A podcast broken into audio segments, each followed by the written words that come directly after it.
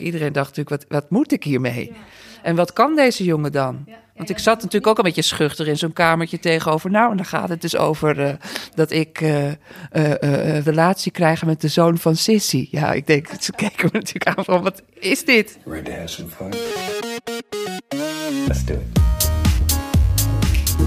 Hoi allemaal en welkom bij weer een nieuwe aflevering van De Makers. Ik ben Diede Vonk, zangeres en actrice. En sinds ik ook zelfstandig muziek en theater ben gaan maken, merkte ik net als veel van mijn collega-makers dat ik tegen een aantal dingen aanliep. Vragen als: hoe krijg je je werk aan de man? Hoe hou ik mezelf productief? En wat doe ik als ik even geen inspiratie heb? Daarom ben ik deze podcast begonnen, waarin ik elke week een inspirerende maker interview en vraag om tips. Dit keer spreek ik Steve de Jong van Groots en Meeslepend. Hij is theatermaker, beeldend kunstenaar en liedjeschrijver. Hij is vooral bekend van zijn eenmans operettes, waarin hij in zijn eentje een complete operette speelt en ook nog eens zelf het decor maakt. Dit decor bestaat vaak uit uitklapbare kartonstukken waar complete werelden uit verschijnen. Het is inderdaad zo bizar en fascinerend als het klinkt, dus zoek zijn werk zeker even op als je hem nog niet kent.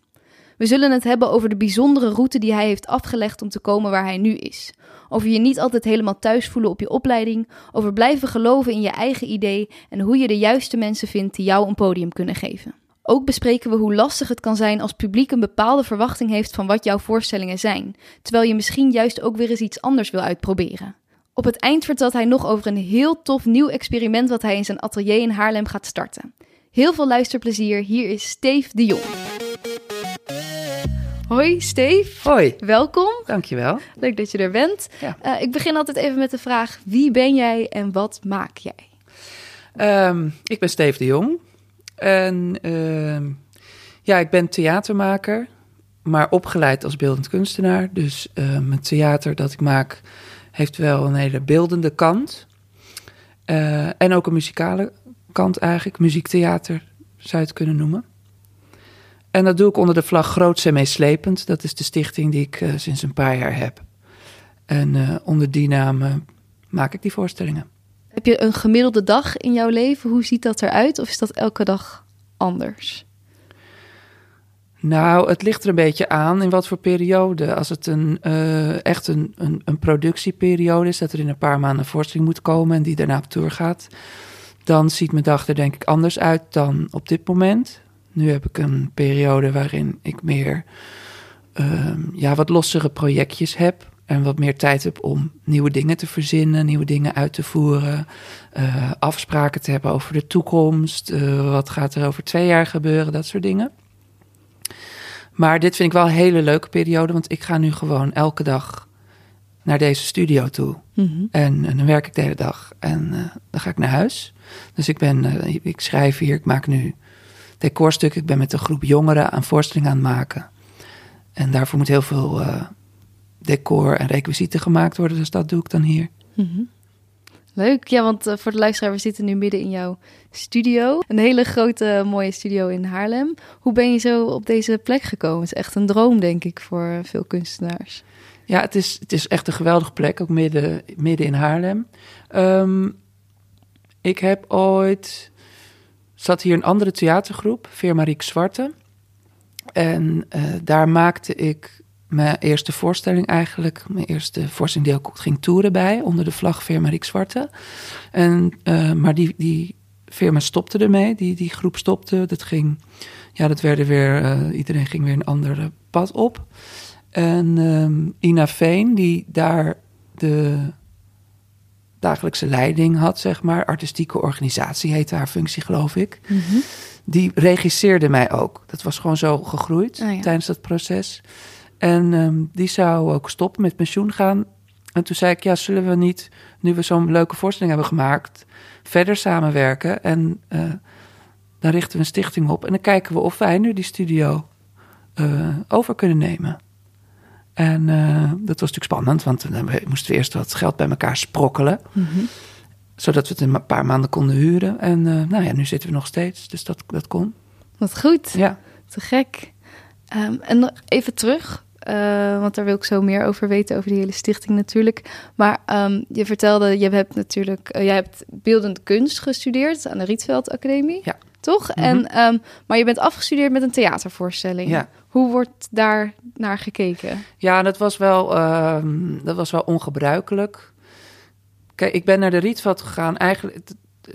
terwijl ik eigenlijk altijd wel theater wilde doen. Ehm, eerst wilde ik acteur worden. Toen heb ik ook auditie gedaan voor toneelschool. Maar daar kwam ik dan niet verder dan de tweede ronde. En tegelijkertijd was ik ook wel beeldend bezig aan schilderen. Schilderijen maken, tekeningen. En toen dacht ik, nou laat ik ook eens naar die kunstacademie kijken. En daar werd ik aangenomen. En toen dacht ik, nou dan ga ik dit doen. Want volgens mij is dat ook wel heel leuk. Want hier ga je echt dingen maken. Terwijl op die acteursopleiding je misschien ja, een acteur wordt. En ik was toch eigenlijk op allerlei gebieden wel creatief bezig, laat ik het Ja. zo maar zeggen. Maar goed, die hele school, die academie, die, eh, toen ik daar vier jaar, in het laatste jaar zat, wilde ik toch kijken of ik weer richting dat theater kon komen. Dus dacht ik, nou dan studeer ik hier gewoon af met een theatervoorstelling. Toen heb ik een tent gehuurd, die heb ik daar op het terrein gezet. En eh, spelers gehuurd en iets gemaakt. Nou, was eigenlijk heel onhandig, want eh, de eindexamencommissie, die... eh, ik kon alleen s'avonds spelen, want ik, ja, ik had een heel orkest ook ingehuurd. Ja, die mensen moesten overdag werken. Ingehuurd, allemaal ook betaald zelf? Nou, mm, nee, een beetje zo. Het was half op vrijwillige basis en half had Ja, ik een beetje had gespaard. Ja. En dan had ik weer als tegenprestatie voor dat. Het was ook een, een amateurorkest, zeg maar. ja. Had ik als tegenprestatie weer dat ik dan een keer op hun uitvoering ook mee zou doen. Ja. Snap je Ah, zo? slim, ja. Maar goed, dus ik speelde s'avonds, dus de eindexamencommissie kon het eigenlijk niet zien. Dus ik ben wel geslaagd zonder dat zij dat hele stuk hebben gezien. Ja, het kon niet anders. ik moest wel mijn diploma krijgen. Oh, wauw. En eh, ja, allemaal belangrijke bobo's die natuurlijk op die eindexamen-expositie afkomen. Die zijn van de galeries Ja. en van de musea en van de tentoonstellingsruimtes. Ja, dat, die interesseerde dat helemaal niks dat ik Nee. daar een voorstelling deed. Nee, En de, thea de theaterproducenten die kwamen nou ook niet per se op de Rietveld-expositie af. Dus ik stond toen het klaar was eigenlijk wel weer... Ja, en nu? En toen, wat, wat gebeurde er toen? Ja, toen ehm, ben ik dus gaan nadenken hoe ik verder wilde, wat ik wilde gaan doen. Ehm, want ik had wel, ja, ik deed natuurlijk had ook wel wat, wat, wat installaties gemaakt, beeldende, beeldende werken, dus die helemaal niet theatraal waren of zo. Dus dat heb ik toen een beetje zo gedaan. En toen ben ik toch nog naar een andere opleiding gegaan. Oh. Toen heb ik nog DAS-arts gedaan. Oh ja. En dat is nu, heet dat DAS Graduate School, geloof ik, is het ehm, de master van de theaterschool in Amsterdam. En toen ik het deed, was het wel gelieerd aan de theaterschool, maar was het wel een aparte opleiding. Maar had het ook geen master, ehm, hoe noem je dat? Degree of zo? Ja, graad. het Engels? Ja, ja graad inderdaad. was het een post-academische Ah, opleiding, ja. dus dan kon je als je een kunstopleiding had ge- ge- gedaan, daar twee jaar in een soort laboratoriumsetting jezelf verder ontwikkelen. Oh, Nou, dus dat was voor mij Ja. natuurlijk perfect, want Ja. ik kwam van die kunstacademie, ik wilde theater doen. Dat kon ik hier on- onderzoeken. Super. Dat heb ik twee jaar gedaan. Een hele ja, bijzondere ervaring, die, die opleiding. Heel gek, eh, maar ook Op heel... wat voor manier? Ja, het was...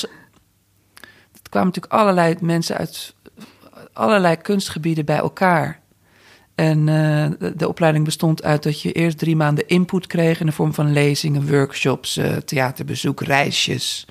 En dan een, een tijdje wa- dat je daarop kon reflecteren, dus iets kon maken. Dus het was elke keer anders. Het was maar weer de vraag hoe de dag eruit zag. Ja. Wie er op school kwam om een lezing te geven. Of. En ehm, ja, die, die opleiding zat, ik weet niet hoe dat nu is, maar die zat toen toch wel meer in de performance art hoek, had ik een beetje het idee. Mhm. Ook inter- de, de internationale kunstfestivals, zeg maar. En ik wilde eigenlijk, ja, om het plat te zeggen, musicals maken, soort van, snap je? Ja. En dat werd daar dat gevoel om een soort van traditioneel theater te, te willen maken, Mhm. werd daar extra versterkt, omdat het een beetje dat avant-gardistische Ah. karakter had. Dus juist omdat zij allemaal heel erg eh, wat anders zochten, werd het bij jou versterkt. Nee, ik wil echt theater maken. Ja, door Ja. dat hele experimentele en dat laboratorium eh, setting daar, werd het dus eigenlijk had, had het een goede functie, want daardoor kon ik uitkristalliseren wat ik wilde. Ja. Kreeg ik heel erg de behoefte aan gewoon het publiek zit aan die kant, ik sta aan die kant. Weet je wel, echt Ja. de, de traditionele theatervorm. Mhm. En eh, dat ben ik daar dus gaan uitzoeken. En daar ontdekte ik ook het genre operette. Ja. Wat nu een hele grote inspiratie is voor, eh, voor wat ik doe. Maar werd dat daar dan wel geaccepteerd, aangezien zij dan allemaal heel experimenteel bezig waren en jij dan opeens met operetten kwam? Ja, dat, ja, natuurlijk de, ja, absoluut. Want het was natuurlijk, die, ik bedoel, eh, die school was er voor, die opleiding was er voor mij, niet andersom. Ja, dus ja. als ik daar iets ontdekte, ehm, ja, we- werd ik daar gewoon in begeleid. En ik weet wel dat ik, ja, het was, het was gewoon echt eh, eh, ploeteren en je ergens doorheen slaan. Ik heb de hele, hele gekke dingen gedaan die nergens besloegen. en toen ik afstudeerde, zei dus die opleiding tegen mij, ga er dan ook voor. Ja. Maak dan nu een enorm ja, maak je droom dan waar. Ja. Maak dan zo'n enorme operette. Dat heb ik gedaan. Met eh, ja, heel veel mensen en ook weer een orkest. En ik had een olifant op het toneel. Ja, ik Mhm. Een echte olifant? Ja, ik, was, ik dacht, nou, dan ga ik Dan, ook ga- ja, uitpakken. dan gaan we er ook helemaal, Helemaal voor. uitpakken, ja. Dus je had echt een groep mensen verzameld en ja, orkest. zangers. En, En, eh, ik had een verhaal geschreven en muziek gecomponeerd. En allemaal een- zelf gedaan ook. en ik had muzikanten bij elkaar gesprokkeld en een koor. Oh, en eh, twee dagen in de toneelschuur in Haarlem, rond kerst, was de uitvoering. En eh, ja, het- het- dat was ook met, met vallen en opstaan ging dat stuk. Mhm. En eh, nou, toen was ik daar afgestudeerd en dat was zo'n groot project geweest... Ja, dat ik eigenlijk daarna ehm, ja, heel graag het wat kleiner wilde doen. Dus toen ben ik, voor het, e- ben ik een voorstelling gaan ontwikkelen die ik in mijn eentje speelde. ja. Als een soort weer reactie daarop. En, en dat, dat is vanaf daar, die voorstelling is eigenlijk een beetje de ontwikkeling tot waar ik nu ben gekomen. Oh ja, ja. Ja, want je was met zoveel mensen, dus dat, dan ben je afhankelijk van heel veel mensen. En je moet natuurlijk, jij stond je echt aan het hoofd, jij moest heel veel regelen dan. Ja, je bent natuurlijk, je, ik was eigenlijk een soort producent. Dus Ja. ik was aan het bellen en aan Precies. het regelen. En ehm, dus het was gewoon een soort oefening natuurlijk, hoe dat is. Ja, En toen, ik denk dat toen die voorstelling was, was ik 26. Toen ik daarmee afstudeerde. En wat ik nu doe, is, is ook zo anders. En ik die, die, ben pas later gaan, gaan eh, heb ik pas eigenlijk kunnen ontdekken hoe ik al die elementen die ik in mijn opleiding had eh, ja, onderzocht. Dus Ja. het beeldende, eh theatrale op das, hoe ik dat kon combineren tot, ja, tot iets wat ik echt wilde maken, wat helemaal voelde als: hé, hey, wacht even, dit klopt. Dit, dit is wie ik ben en wat ik wil overbrengen. En dat is pas eigenlijk pas gebeurd toen ik dus die eerste, ja, eenmans operette, zoals ik het dan noemde, ging maken. ja want dat was eigenlijk, voor zover ik weet, een, een genre wat gewoon helemaal nog niet bestaat. Hoe, hoe kwam je daarbij om dat te gaan doen? Nou, het kwam dus toen ik was afgestudeerd met die grote Ja. operette van die, met, met al die mensen. En toen ehm, had ik een titel. Dat was Groots en meeslepend wil ik leven.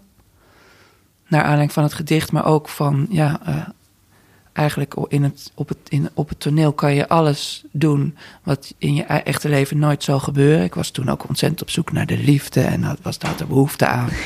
Eh, dus, en eh, ik was heel erg bezig met die romantiek. Ja, de drama. En ik had natuurlijk het, het genre operette ontdekt, wat ook, hè, waar de romantiek ook ehm, goed aan bod komt.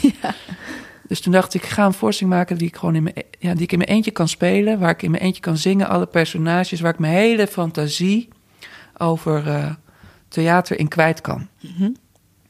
En dat was toen het idee. En toen begon, ja, toen heb ik nog, heeft het heel lang geduurd voordat hij er was hoor. Toen heb ik nog heel lang met dat idee, eh, ja, overal aangeklopt. Ja? Maar eh, ja, dat was toen, toen begon eigenlijk de grote, dat je, weet je, je op punt komt dat je denkt, nou weet je, ik geef het op.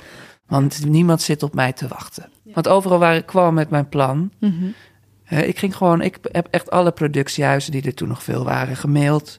Eh, van eh, M-Lab tot Oh ja. Kameroperahuis in Zwolle. Overal kwam ik weer op zo'n kantoortje Ja. met mijn plannetje. En, Mhm. en, en je, je- ja, niemand zei, oké, we gaan doen. Nee, Want iedereen zegt natuurlijk, ja, ik wil eerst eens wat van je zien, weet je wel, je kent dat, het wel. ja, zeker. Ja, maar je moet eerst een keer willen wat van, weet je wat, durf het niet aan. En Ja. Heel lang bij Bellevue gepraat, Toen kwam ik, daar was ik nog het verst gekomen. Heel lang gepraat, tot ik echt daar een keer op een middag achter de piano mijn hele voorstelling daar Oh, soort te improviseren. En toch durfde ze niet aan, weet je. Ja, Oh, toch, oh vreselijk. ja, moet dat dan een maand hier spelen, weet je. En je bent, ik was Ja. natuurlijk, ik had het ook nog nooit gedaan. Ik was Nee. toen natuurlijk aan het begin. Inderdaad, iemand moet dan net je dat vertrouwen durven geven. Ja. Nou ja, ik snap het ook wel. Kijk, de, de, die, die, de producenten die, die moeten natuurlijk. Kijk, het gaat ergens om gunnen, maar het, het- ja, die willen ook dat, dat het resultaat Ja, eh, er tuurlijk. is. En ehm, het was voor mij gewoon steeds allemaal net niet lekker gelopen. Nee. Weet je, ik had net steeds de opleidingen gedaan bij waar zeg maar de wereld waar ik in terecht wilde komen, die daar niet echt aansluiting bij had. dus het was, weet je, als ik nou eh, de toneelschool had gedaan, bijvoorbeeld, of eh, misschien eh, bijvoorbeeld de performanceopleiding in Ja. Maastricht, Ja. dan had ik denk, waren er denk ik al veel meer mensen uit het theater die me al tijdens die opleiding konden volgen. Precies. En nu was het echt, ik kwam van de Rietveld, toen kwam ik op Dassarts, wat, Ja. een, wat een beetje dus dat performance art is. En toen kwam ik met, ik wil een eenmansoperette maken. Iedereen dacht natuurlijk, wat, wat moet ik hiermee? Ja, ja, en wat precies. kan deze jongen dan? Ja, ja Want je ik zat natuurlijk ook een beetje schuchter in zo'n kamertje tegenover. Nou, en dan gaat het dus over eh, dat ik een relatie krijg met de zoon van Sissy. Ja, ik denk, ze me natuurlijk aan van, wat is dit? Ja, precies. Maar vaak zijn dat wel de beste ideeën die dan eigenlijk niet echt leuk uit kan leggen. Ja, zo. nee, precies. Het is ook heel moeilijk uit te leggen. En ik wist ook nog niet hoe het, ja, welke vorm het eh, moest hebben. Ja. Maar ja, ik kwam dus toen, eh, was, kwam er iemand op mijn pad die wel in mij gelooft. En daar werk ik ook nog steeds mee. Kijk, en, En, dat die is, heeft ervoor gezorgd dat het gelukt is. Kijk. ja. En dat is Ina. Dat is Ina, ja. Ja, want die heb je toen bij Riek Zwarte ontmoet. Ja. En hoe... Nou, ik ken daar al, want ik woon natuurlijk in Haarlem en zij Mhm. was een Haarlemse. ja, ik ken haar al uit het theater. En eh, ik ken haar niet echt persoonlijk hoor, maar ik zag haar. Ik werkte ook al in de garderobe en op kantoor van de toneelschuur gewerkt, allemaal baantjes gehad. Dus Ja. ik wist van haar bestaan. En er waren ook wel mensen die zeiden: als je echt verder wil komen, als je, als je, het- hè, dan moet je bij Ina zijn. Want die Ah. werkt gewoon al 30 jaar in het theater. Die heeft er kijk op. Mhm. En als die in je gelooft, dan. eh, Ah. ja, die, die heeft daar dan een drive voor. En die belde mij dus op. Op een gegeven moment, naar aanleiding van, die, eh, van mijn afstuderen op Dasarts, om eens te praten. Om mee te doen in een oerolvoorstelling. Dat heb ik toen gedaan. Dus. Mhm. En toen tegelijkertijd was ik dus al jaren met dat, die eenmansvoorstelling aan het leuren overal. en toen belde ik haar op. Ik zeg, ja, ik mag het nu eh, doen. Twee avonden in het Rozentheater in Amsterdam. Oh ja, Dat ja. was het toen nog. Die op, die, die, dat had ik. Mhm. Ik mocht twee avonden in het Rozentheater. En toen zei zij, ja, wat is dat dan voor zin? Kom het eens aan ons vertellen Ja. wat je dan wil. En toen ben ik bij hun op het kantoor gekomen. En eh, toen heb ik met een soort PowerPoint-presentatie die voorstelling gedaan. En toen zeiden ze, nou, maak het gewoon hier bij ons. Ah. En dan doen we het in de studio. Ja. En eh, ja, toen ben ik het daar gaan maken. En toen, nou ja, een maand later stond ik op Oerol ermee. Wauw. En eh, werd de tournee voor het jaar erop verkocht. En het kwam, ja, kijk, eh, Ina be- belde naar Oerol. Die zei, ik heb nu een jongen, die, is- Ja. die moet je gewoon doen. Ah, wat goed. Dus die had natuurlijk, die had invloed. Ja. En hoe komt het dat je dan nooit eerder bij haar bent gaan pitchen voordat je naar al die andere theaters ging? Ja, dat zal wel met durf te maken hebben. En ik zag het nog niet. Ik, ik, het was niet het, toen klopte het opeens, klopte alles. Ik had dat setje nodig van iemand die dat zei van kom het is... eh, Kom het eens doen. ja. Het liep ook een beetje allemaal tegelijk met die eer, dat ik meedeed in die eerste Oerol Mhm. voorstelling. ehm, die, die dan, dat liep een beetje tegelijk. Dus toen was ik ook al aan het praten met die andere Ja, precies. huizen. En dat liep al een beetje. Dus totdat dat dus helemaal stopte. En Ina zei, kom het dan eens hier vertellen. Ja. En dat is eigenlijk heel logisch. En ja, toen ben ik ook alles wat ik als beeldend had gedaan daarvoor, kon ik opeens toepassen. Dat was opeens helder. Ik snapte ook niet dat ik dat op Dasarts nooit gedaan had. Oh, Want ja. op de Rietveld maakte ik bijvoorbeeld echt pop-up boeken. Ja, Ja, dat maakte ik daar en installaties waar dingen. En op Dasarts ging ik dan weer echt een soort theater doen. Hè? Dus met een Ah, decoortje dus en daarin je dat zingen. eigenlijk weer los. En opeens was het heel logisch om het te combineren. Ja. En dat ben ik daar dus gaan doen. Onder de begeleiding natuurlijk van iedereen die daar bij, die, bij Firma Riek Zwarte werkte. Mhm. En eh, toen zo kon ik die eerste voorstelling maken. En vanuit daar, ja, toen was er dus gewoon, ontstond er iets. Toen dacht ik, hé, toen ging ik nog een keer dat doen. En dan was, had ik een toertje kunnen maken. Dus dan mocht ik dan bij de meesten weer terugkomen. Ja, toen Ja. kon ik het op gaan bouwen. Oh, wat goed. Zo is het echt gaan stromen. Ja. En eh, wanneer ben je dan toen in deze ruimte terechtgekomen met haar? Nou, dus toen die Firma Riek Zwarte stopte. Mhm. En eh, ja, ik dus dacht, hè, ben was net lekker bezig. Net die eerste gemaakt, weet je. Kom, Ja, hoe moet ik nu verder? Toen heb ik dus tegen Ina gezegd: Ja, wil je gewoon, heb jij, wil jij met mij door? En toen Ja. heeft zij gewoon gezegd: Dat wil ik. wat Laten we dat doen. Ja. We gaan samen verder. Mhm. En dat is nu vijf jaar geleden. En we zitten, we doen het nog steeds. Ja. En zij wilde eigenlijk met pensioen al. was eigenlijk het idee. ja. Nou, goed. Maar had ook nog wel zin, want we hadden natuurlijk een hele leuke voorstelling gemaakt. En we, we- we- ja, we, eh, persoonlijk eh, konden we het ook erg en kunnen we het heel goed vinden. Mhm. Dus dat werkt ook. Het is natuurlijk een soort vertrouwen wat je in elkaar moet hebben. Ja, zeker. En ehm, die samenwerking ble- bleek gewoon ontzettend te kloppen. Ja. En dat is natuurlijk ergens mazzel. Dat je zo iemand. Ja, en je dat moet je iemand zo. treft Ja, op het juiste want als moment. dat niet, niet was, dan weet ik niet hoe het. eh, Nee. Je hebt gewoon, er is natuurlijk op een gegeven moment iemand nodig die vertrouwen in moet hebben. En ook anderen kan overtuigen van dat vertrouwen. Ja, precies.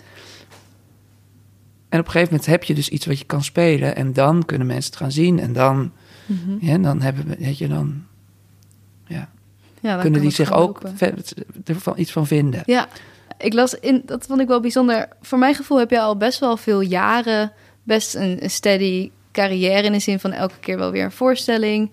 Maar ik las daar dat ze in 2017 allebei het hadden over eh, dat je toen doorbrak. Met eh, volgens mij eh jouw Steves operette uurtje. Voelde dat voor jou ook zo? Of dat je toen een doorbraak had? Nou, het was, 2017 was wel een heel fijn jaar met, goe- met, met best wel succesvolle voorstellingen. Ik heb toen Mhm. met Alex Klaassen Ja. de Modern Art Revue gemaakt. Nou ja, daar kwam natuurlijk heel veel publiek ook op af. En dat heeft mij ook al in een soort picture gezet van Ja. mensen die misschien anders niet naar de voorstelling zouden komen. Maar die natuurlijk uit zijn achterban Ja, Eh, precies. ja, daarnaar kijken. En eh, daarna heb ik nog steeds operetteuurtje gemaakt. En dat was, dat was, eigenlijk, was echt een soort tussenprobeerseltje. Mhm. Wat toevallig twee weken in Bellevue Lunch kon staan omdat er een opening was. En eh, Ah. ja, van zo. En toen wilde ik daar ook helemaal geen eh recensenten bij hebben. Maar er is er toch iemand gekomen en uiteindelijk kwamen. En het werd heel goed beschreven. Dus het was opeens een... Ja, op, wilde iedereen dat zien. Mhm. En, ehm, en toen aan het eind van het jaar won ik ook nog de Merit Dresselhuisprijs in dat jaar. Dus tot 2017 was wel... Maar doorbraak vind ik altijd heel moeilijk. Want Ja. dat, dat zou betekenen dat... Kijk, ik vind... Ik moet nog steeds heel hard werken om mijn zalen vol te krijgen. Mhm. Natuurlijk. En het is, het is niet zo dat... Kijk... Doorbreken heeft ook iets dat opeens echt heel veel mensen, denk ik, weten. Ja, ja, ja. En dat ze blind, ik ga daar naartoe. ja, Terwijl ik Ja. moet echt nog mensen wel overtuigen. En dat ze denken, hmm, nog nooit van gehoord. En eh, weet Ja. je, wel. kijk toch, dus Amsterdam, Haarlem, daar lukt het wel. En Den Haag, weet je, dat soort steden. En, eh, maar als je, er zijn natuurlijk ook heel veel plekken waar... Ja, waar mensen mensen, denken, ja, dat? Ja. Steefs operetteuurtje. Wat, wat, wat heb ik daar te zoeken? Lijkt me echt niks.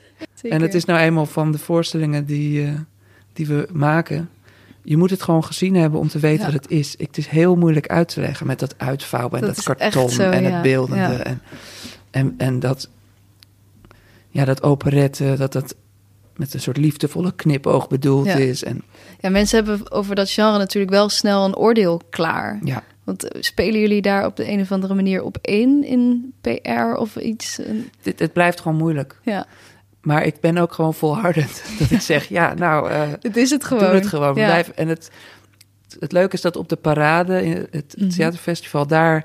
ehm, op een gegeven moment lukte het daar wel. Omdat Ja. mensen echt dachten... hé, hey, dat is die jongen van vorig jaar, van die operette. Laten we weer gaan. En dan hebben mensen, associëren ze het met wat ze eerder hebben gezien. Ja. En eh, ja, heel veel mensen weten ook helemaal niet wat dat is, operette. En het is ook niet... Het is, ik bedoel, het is ook niet één iets. Nee, Het betekent gewoon een kleine opera. Ik bedoel, Ja, hetzelfde als musical. Dat is, dat is ook zo, dat, dat heb je in allerlei gradaties. ja. Natuurlijk heel veel mensen die zeggen, hij heeft musical, daar hou ik niet van. Maar ja, dat, dat kan je niet zeggen, want ja, je zegt dat ook niet dat je als- alle films niet leuk nee, vindt. of dat je zegt, ik hou niet van, van, van eh, ja, noem eens wat, Eh, eten. ja, het is zoveel verschillende... Ja, Ja, nee, dat vind ik ook altijd echt een lastige. Maar heel, je merkt ook, vind ik, bij bijvoorbeeld musicals dan... dat heel veel musicals zichzelf dan opeens muziektheater gaan noemen. ja, En jij bent wel gewoon volhardend in het operette, toch? ja. Nou moet ik wel zeggen dat ik ook het heel de, de- af en toe probeer weg te laten. Omdat ik denk, mensen gaan meteen op een spoor zitten. Ja, Maar goed, Steves operette uurtje, ja. Het zit al in de titel. ja. Maar ja, ik vind het altijd ook gewoon een leuke uitdaging om te kijken of je dat, de, ja, wat, wat er aan het woord hangt, of je dat kan veranderen. Ja, Dat is een beetje eh, hoogmoedig waarschijnlijk. Maar ik vind het ook wel leuk om dat vol te houden. Ja, En mooi doel. ik heb ook zoiets van... eh, ik wil gewoon niet accepteren dat mensen... Je wel, dat het allemaal maar hapklare brokken moeten zijn. Of dat Mhm. iedereen maar... Dat je meteen... Ja, ik vind gewoon... Het, het, het is verrassing. Ga eens naar iets toe wat je, waarvan je denkt... Nou, Ja. misschien is het niks voor mij.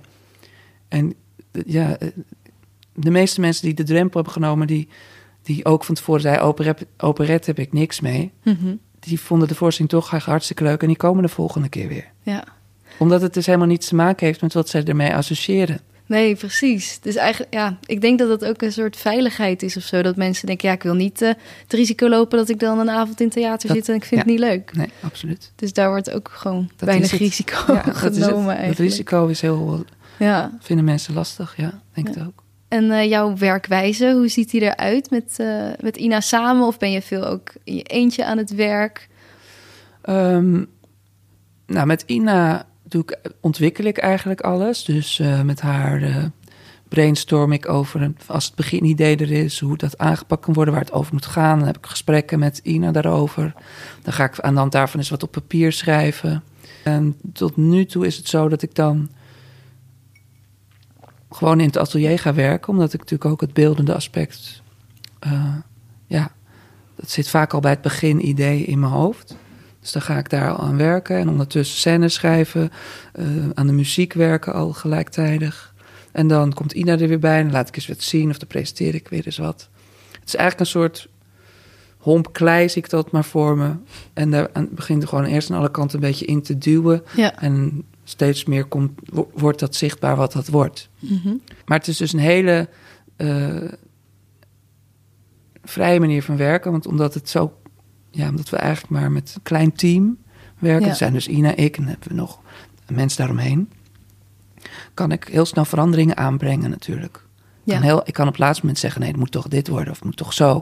Hop, veranderen. Ik, omdat ik het ook zelf uitvoer. ja, want je maakt decor natuurlijk ook zelf. Ja. Dus Ja, dus ik kan heel snel dingen aanpassen. En ook heel vaak is het zo dat als dan de voorstelling al speelt, dat ik alsnog dingen aan blijf passen, dat ik alsnog dingen verander. oh, Dat leuk. het gewoon een, het blijft eigenlijk een Ja. soort proces. Dan kan je Ja. soms ook na de twintigste voorstelling opeens denken, hè, dit klopt helemaal niet Ja. dat ik dit zo doe. Dit moet zo en dan verander ik het gewoon nog. Oh, wat goed. En dat kan natuurlijk omdat je niet met een hele groep acteurs waar iedereen weer moet repeteren of iedereen van Ja. elkaar afhankelijk ben, is. Ja. Kijk, ik sta daar op dat toneel. Ik heb een voetpedaal waarmee ik de muziek instart. Oh, ja. Dus ik kan alles bepalen. Ja, heerlijk ook wel, toch? Die, die vrijheid. En eh, echt dat je gewoon van niemand afhankelijk bent. Dat is op het toneel, op het toneel is, dat een hele, is dat heel prettig, heel leuk. Mhm. Maar ehm, ja, dan heb je dat een paar keer gedaan. Dan heb je toch weer, ja, dan eh, heb je toch weer behoefte om met, samen met iemand op toneel Ja. te staan. Dan ga ik dat doen. En nu zit nu in zo'n ontwikkeling hoe ik eigenlijk die Nou ja. weer terug kan naar, om naar een iets, eh, om het ietsje te vergroten weer met meerdere mensen op toneel. Hoe, krijg je, hoe hou je hetzelfde charme als je het met meer mensen doet? En eigenlijk wat in die goed. fase zit ik nu, Ja. om dat te ont- ontdekken. Oh, dat is wel interessant. Ja, je hebt het dan even gedaan, die, eh die eenmans operettes. En dan merk je weer van, nou ja, nu heb ik dat een paar keer gedaan... en wil ik toch liever weer meer mensen om me heen. Ja, dat, krijg, dat eh, lijkt me dan leuk om te Ja. kijken hoe je dat... Dat is ook gewoon om jezelf te blijven ontwikkelen natuurlijk. Ja, zeker. Dat je denkt, wat zou een volgende stap kunnen zijn? Kijk, ik zou natuurlijk mijn hele leven eenmans operettetjes kunnen maken, maar... Ja, dat is niet... Dat, dat, je moet jezelf ook blijven uitdagen. Ja. Dus eh, kijk, en nu sta ik op toneel, maar... eh, ja, ik, ik, ik heb ook plannen dat ik, zeg maar... eh, niet zelf er sta, dat ik het dus echt helemaal maak Oh ja? en regisseer bijvoorbeeld bij wijze van spreken. Dat is ook een volgende stap. Ben ik nu ook aan het, Ja. aan het eh, gewoon om te, ja, Om het even weer wat... Ja, om even weer wat anders te doen? Of om- omdat je merkt, eh, het spelen heb ik nu eventjes gezien? Of... nou, het is denk ik dat ik, nee, want ik vind spelen altijd, altijd wel leuk. En ik vind het ook altijd heel leuk om gewoon, dit heb ik gemaakt, om dat aan het publiek te laten zien eigenlijk. En eh, lekker te zingen en te spelen. En ehm, vooral als het, als het echt als een jas zit, is het gewoon hartstikke leuk om te doen. Maar eh, ja, mijn, mijn, mijn, mijn echte liefde zit bij het maken. Ja. Dus bij het verzinnen, bij het, bij het creëren. En nu doe ik dat. En op een gegeven moment sta ik op de vloer en word ik geregisseerd. En weet je, dan heb ik niet meer het overzicht hoe het eruit ziet. Hoe, en ik krijg, ja, nu zou ik dat leuk vinden om mensen helemaal tot het einde het helemaal te kunnen maken. Dus helemaal alles, weet je, de, de, het licht, de mise en scène, om, daar, Ja. eh, om dat helemaal te kunnen, samen met anderen natuurlijk, maar Mhm. om het tot het einde te kunnen zien. Ja, dus hoe het echt publiek dat het van ook buitenaf Ja.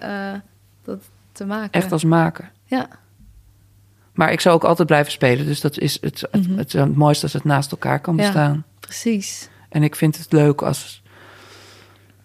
Ja, als je. Kijk, op de, op de, op de academie en op de Dassers werd natuurlijk tegen mij min of meer gezegd. Je moet, hè, alsof ik zou, zou moeten kiezen in wat ik wil. Of nou vormgeving wil doen, of spelen, of zingen.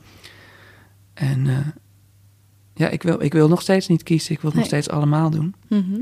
Ja, zeiden ze dat daar? Van ja, je moet wel een keuze gaan maken. Nou, dat is het niet, niet zo letterlijk, maar wel van je, je kan je beter op één ding goed concentreren, zeg maar, dan alles halfjes doen. ja.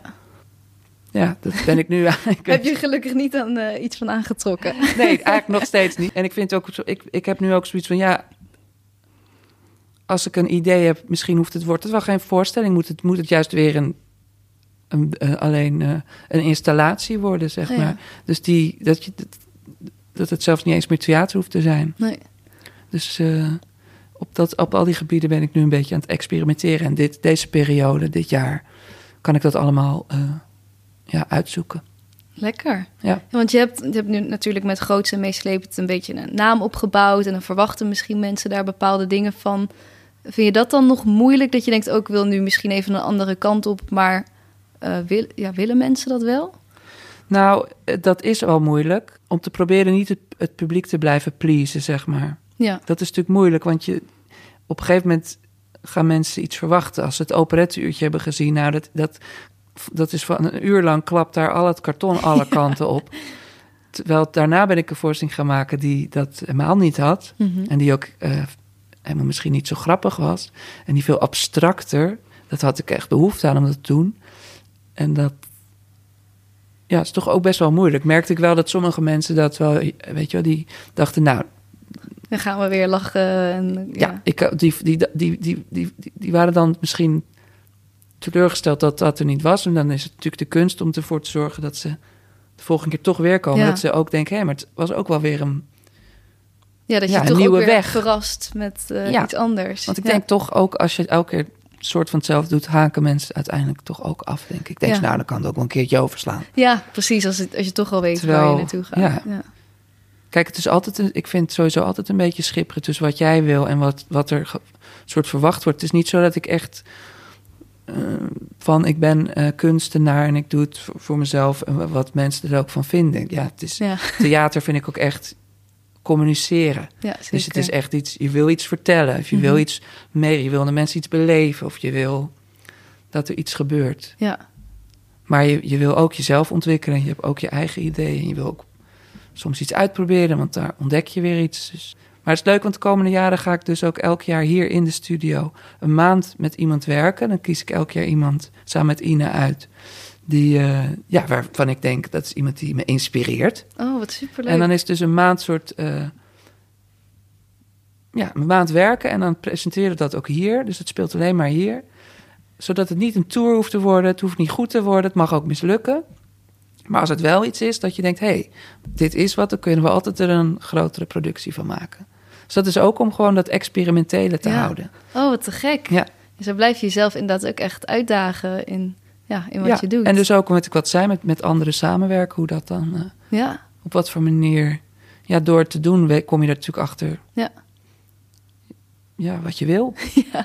en wat je misschien niet wil, eh, dan... En hier in de studio spelen is altijd gewoon hartstikke leuk. Kunnen 70 Ja. mensen op de tribune. En we hebben een barretje. Oh, het heeft gewoon iets heel informeels. En dat is, Ja. dat is heel erg eh, leuk. Ja, dan is het gewoon echt een onderzoek. En dan, ja. Ja. Nou, te gek. Heel erg leuk. Heb jij een advies voor mensen die nu misschien eh, een, een kunstopleiding hebben gedaan of een theateropleiding en denken, nou, wat Steve doet, dat vind ik te gek? Of eh, ja, hoe, hoe, ja, wat heb je voor advies voor die mensen? Ja, ik denk sowieso, je moet blijven maken. Ja, als je iets hebt wat je kan laten zien, dat is altijd het beste. En ehm, gewoon, ik zat, ja, toch aan, als je iets met een idee ergens aankloppen. Want je, Ja. je zat, er zijn nu ook weer allerlei nieuwe regelingen, eh, nieuwe makersregelingen. Ik, bij Orkater, als je muziek, ja, daar kan je Ja. je gewoon, volgens mij, als je als nieuwkomer eh, aanmelden, dat soort dingen, kan je. Er zijn echt wel Ja, zijn dat soort wegen te zeker. bewandelen. Er zijn natuurlijk altijd festivalletjes waar je, ik, ik denk Ja. toch, van mij is het pas, eh, ging het pas verder nadat ik iets had om te laten zien. Nadat ik Ja. iets had gemaakt waar mensen naar konden kijken. Dus ja, dat, precies. en- dus en- met alleen een idee aankloppen is toch dat, wel heel ja, dat werkte voor mij lastig. dus niet. Ja. Nee, ja, en ik had natuurlijk de mazzel dat ik Ina ontmoette, die Ja. zei, nou, weet je, die daar vertrouwen ook al in had. Ja. Maar ook toch toen pas, toen die voorstelling gemaakt was hier in de studio en er een presentatie van was, toen pas kon je zeggen, hey, dit, dit, dit heb ik in handen. Dat door echt ook echt je daar een maand of zo aan te werken, ja, ga je ook, on- ga je ook ontdekken wat je, wat je wil of wat, wat, wat je vorm is. Mhm. En zijn er dingen aan het, aan het maken, aan het proces, wat je, eh, wat, je moeilijk vindt of vervelend? Ja, het is natuurlijk altijd al eh, worstelen. Ja. Repeteren vind ik bijvoorbeeld vreselijk. Ook als het in je eentje is. zeg Ja, maar. juist. Ja. Ja, je, ik, op een gegeven moment zie je natuurlijk helemaal niet meer wat wel of niet leuk is. Of wat je überhaupt je Ja. beginidee was. Of waar het vandaan kwam. En dan, als je dan hier staat, zit ik hier te repeteren met Ina. En dan op een stoel ervoor. Ja, dan denk ik wel eens, nou, wat is dit? Moet dit nou worden? Ja. Wat ben ik aan het doen? Ja. Ja, dat blijft, het is gewoon eh, Het is een up en Stoeien. Ja. worstelen. ja, maar uiteindelijk is het Ja. het toch dan wel weer waard, denk ik. Ja, je moet gewoon toch... Ja, en iemand die er toch kritisch op kan blijven kijken. Dus Ja. dat is natuurlijk...